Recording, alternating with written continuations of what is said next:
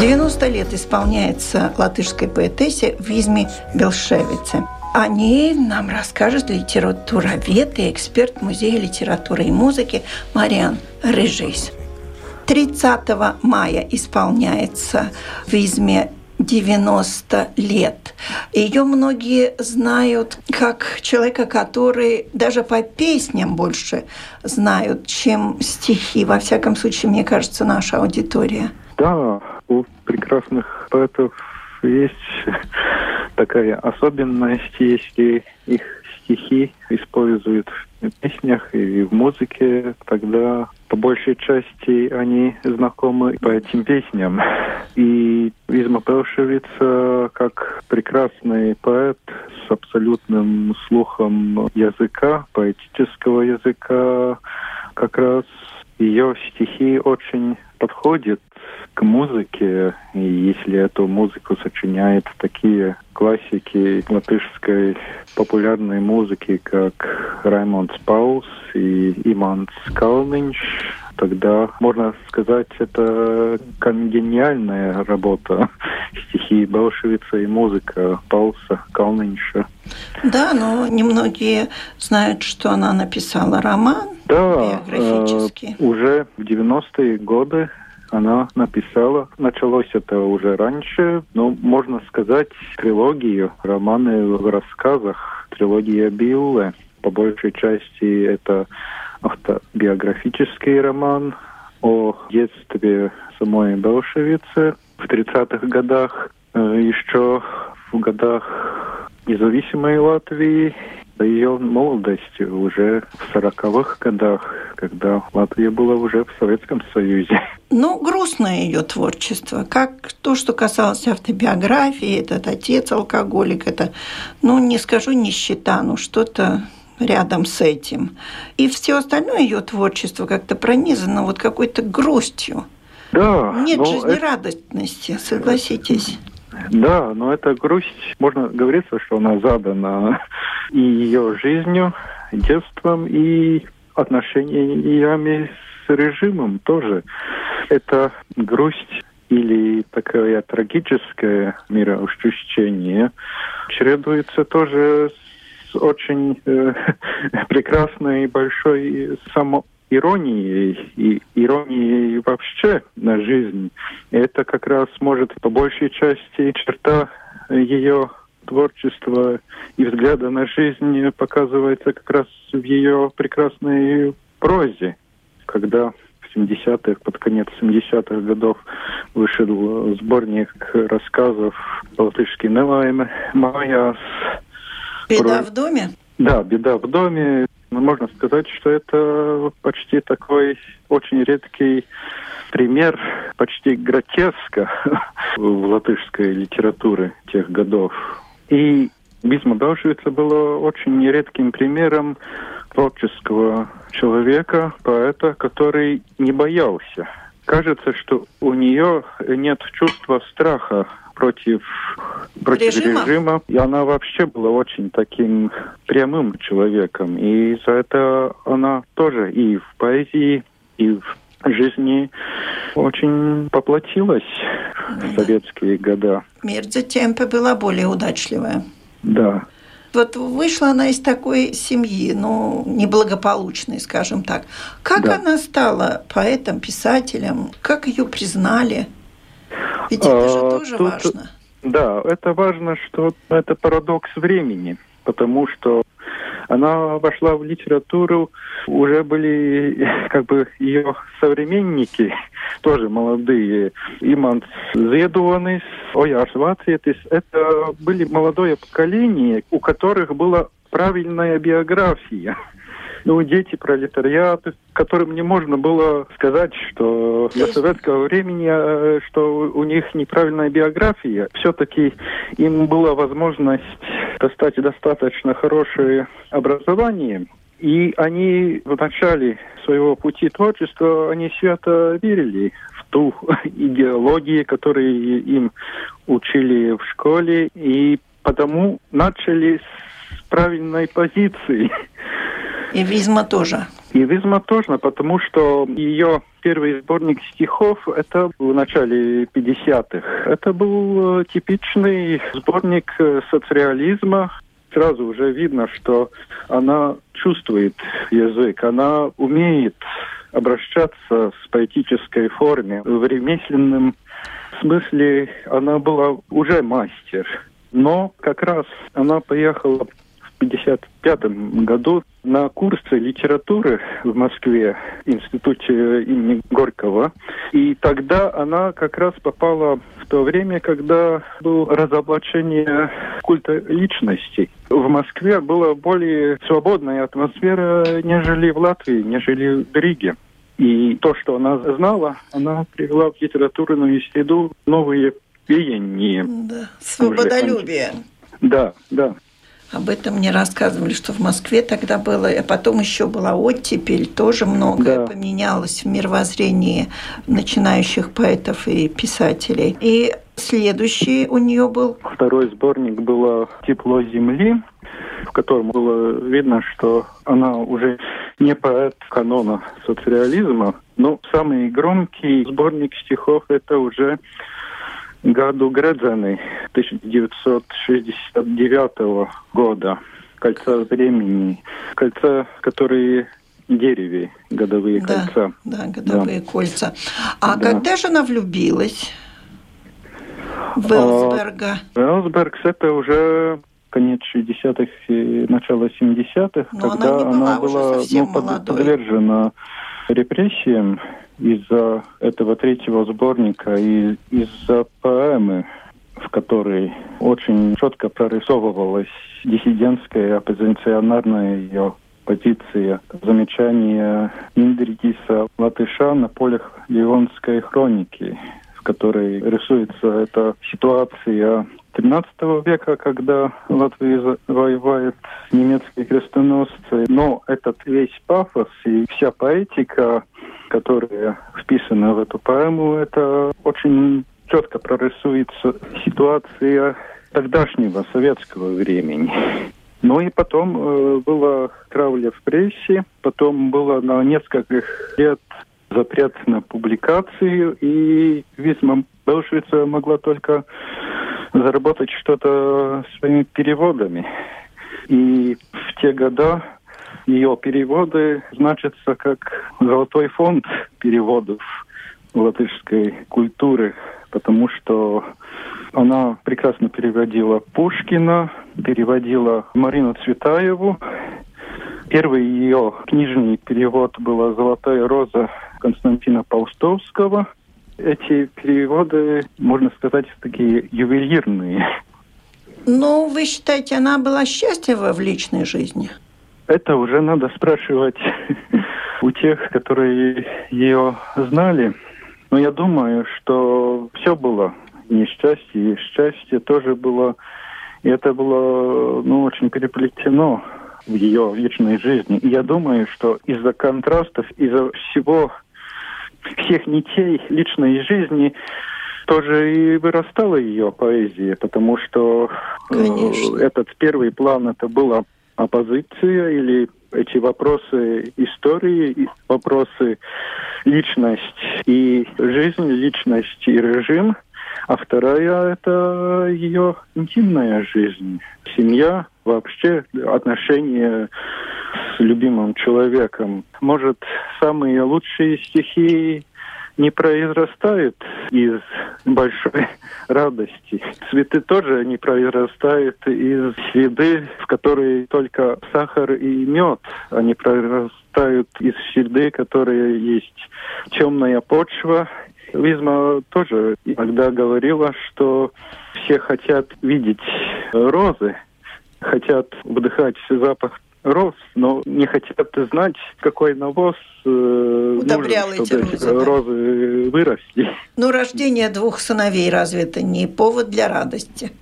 Это повод для радости и все-таки повод тоже для большой скорби, потому что два сыновья тоже прекрасные поэты. Первый был Клаус Элсберг, который был лидером своих сверстников. Да, до своих сверстников. И его жизнь закончилась очень трагично. 1987 году, когда он есть подозрение, что он был в доме писателей Дубулты, попросту его вышвырнули с окна. Ну да, есть такое неподтвержденное подозрение. Неподтвержденное, но и тоже неопроверженный факт. Да, но все-таки сколько лет он был с нею, это была ее радость. Да, и потому это и внутренняя трагика, и трагика этого времени тоже наложила свою печать на ее творчество.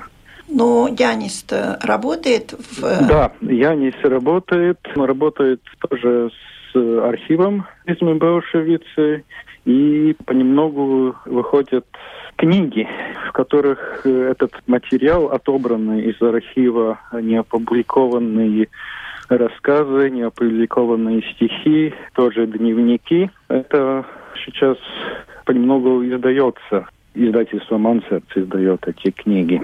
Однажды, когда вы еще находились, то есть музей литературы и музыки находился на Дворцовой площади, я пришла в музей по поводу какого-то мероприятия, не помню, и остановилась в зале, где были старинные музыкальные инструменты. Там был мужчина, пожилой, и мы с ним разговорились, и потом он сказал, что он Элсберг, и я поняла, что это муж Визмы Белшевицы. И я смотрела на него и думала, а что я могу у него спросить? Как он жил? Любила ли она его? Так посмотрели, разошлись, и все. Я знаю, что Визма без любви ничего не делала. И я думаю, что это была большая любовь. И я думаю, что он тоже ее любил, потому что, чтобы нести этот крест и жизни, и того, что она перетерпела, и как бы брать на себя хотя бы часть ударов режима жизни, я думаю, что это любовь. Да.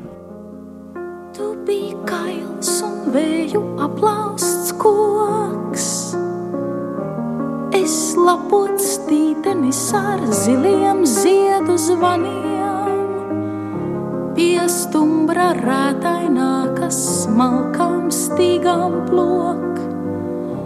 Nu, pilni tavi zāri ziediem maniem. Nodūts ap tevi atkal višu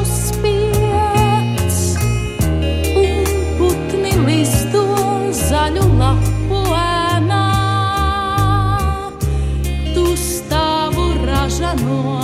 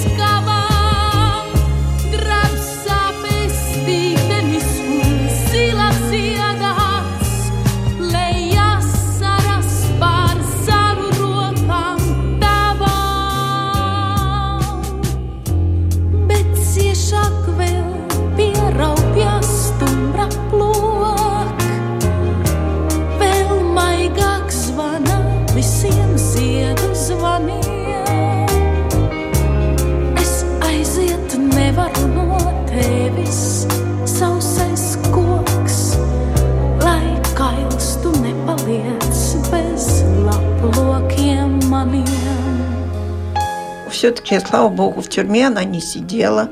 Просто ее не печатали. Да, не печатали. Довольно долго? Приблизительно 5, 5 лет не, не печатали заработать на переводы она тоже, ну, она шантажировала режим. Она сказала, что она возьмет Салде и Маратынис. Тачку с Ну, мороженым. повозку, да, повозку, Повозку с мороженым, с мороженым. И, и придет напротив э, кабинета э, министров сегодняшних, я уже забыл, как это тогда называлось, и будет продавать мороженое, чтобы все видели. Ну и тогда они поняли, что будет большой скандал. Все-таки в Швеции уже в советские времена она тоже ее переводили и она большую популярность в Швеции была, у нее да. И тогда они поняли, что все-таки надо как-то найти компромисс, и ей позволили заработать на жизнь переводами. Вы как литература вед считаете, она больше прозаик или поэт? Трудно сказать. По большей части, наверное, поэт. И то, что в ее прозе этот отчеканенный стиль, ну, такое чувство слова, и как она строит эти рассказы. Все-таки по большей части это видно, что это поэт делает. Но это не уменьшает достоинство ее прозы, потому что очень хорошо построен и сюжет, построена и поэтика прозы. Проза как бы в своих лучших примерах достойна ее поэзии, так можно сказать. Я в свое время, несколько лет назад, встречалась с режиссером фильма «Билла» Инарой Колман. Как она снимала этот фильм, как она прочувствовала этот роман. Она считает, что она, ну, я не скажу гениально, но, безусловно, очень хороший роман, этот «Билла». Да, потому что это роман рассказан как будто глазами ребенка, Ребенка. того времени, но сквозь этот взгляд прорисовывается все, что Белшевица уже прожила в своей жизни. Она как будто смотрит и взглядом ребенка, и уже своим взглядом на ту реальность. И в этом романе она ничего не укрывает. Она пишет как есть, Честно. и она пишет тоже грязную реальность своего детства, своего окружения, и она не очень, очень не критична к режиму Улманиса, который в то время, в котором она жила как ребенок. Она не приукрашивает Да, она не приукрашивает, но она как бы видит пронизительно, так можно сказать.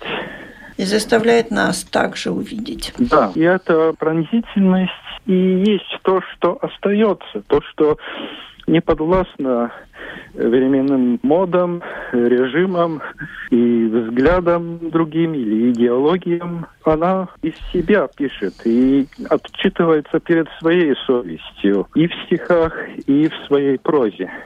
30 мая этого года в Изме Белшевице исполнилось бы 90 лет. Сколько лет она провела на земле? 74 года она провела. Родилась 31 года и умерла, ушла из этой жизни 2005 года. А на каком кладбище она похоронена? Она Межа Капи. Там она похоронена, если я что-то не путаю, возле своего сына Клауса Алсбергса. А в этом году будут какие-нибудь мероприятия? Конференция будет. Я знаю, что Институт литературы, фольклора и искусства 27 мая будет конференция. Ну, вспомним. Да. Благодаря вам мы вспомнили. Можно еще сказать, что уже в советские времена, уже в 69 году уже вышла книга стихов Белшевицы на русском языке. Как раз в тот год, когда началась травля в Латвии Белшевицы. И тогда три сборника стихов вышли на русском языке, ну, не считая антологии и не считая трилогии Убилла тоже. Так что я думаю, что русскому читателю есть возможность познакомиться с творчеством Визмы Белшевицы. Спасибо. У нашего микрофона был литературовед, эксперт Музея литературы и музыки Мариан Рижис. Es vairs nezinu, rokas kustās, gadiem pierastā, tīnuma krustā, nebijušā un neizjūstā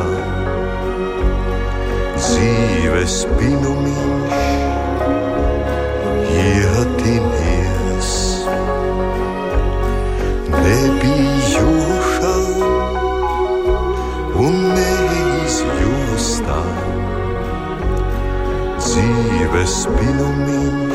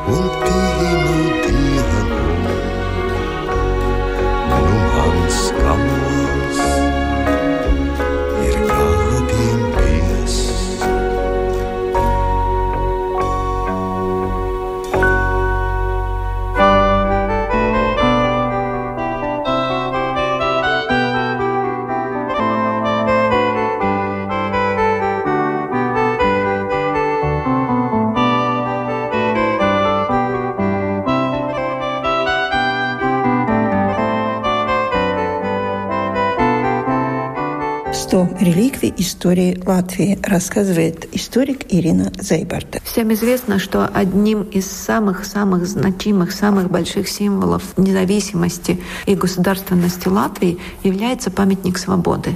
Если мы говорим памятник свободы, то всем ясно, о чем мы говорим, вне зависимости от того, где мы находимся. Но одна из ста реликвий, которые мы выбрали, конечно, не памятник, но вещь, которая очень-очень точно относится непосредственно к этому памятнику. Это серебряная ручка и перо, которым были подписаны документы открытия этого памятника. История памятника до того, как он был открыт, довольно долгая. Сразу после окончания боев за освобождение в обществе Латвии стали говорить о том, что нужно построить памятник людям, которые отдали свои жизни, которые сражались за свободу Латвии. Эта дискуссия в обществе была довольно продолжительной, и уже в разных местах Латвии стали строиться эти памятники. Например, первым из больших памятников был памятник в городе Цейсис, где происходили бои лета 1919 года, и в 1924 году этот памятник был открыт. Но в Риге его не могли построить довольно долго, именно потому, что это должен был быть уже по определению самым большим, самым значительным памятником в памяти освободительных боев.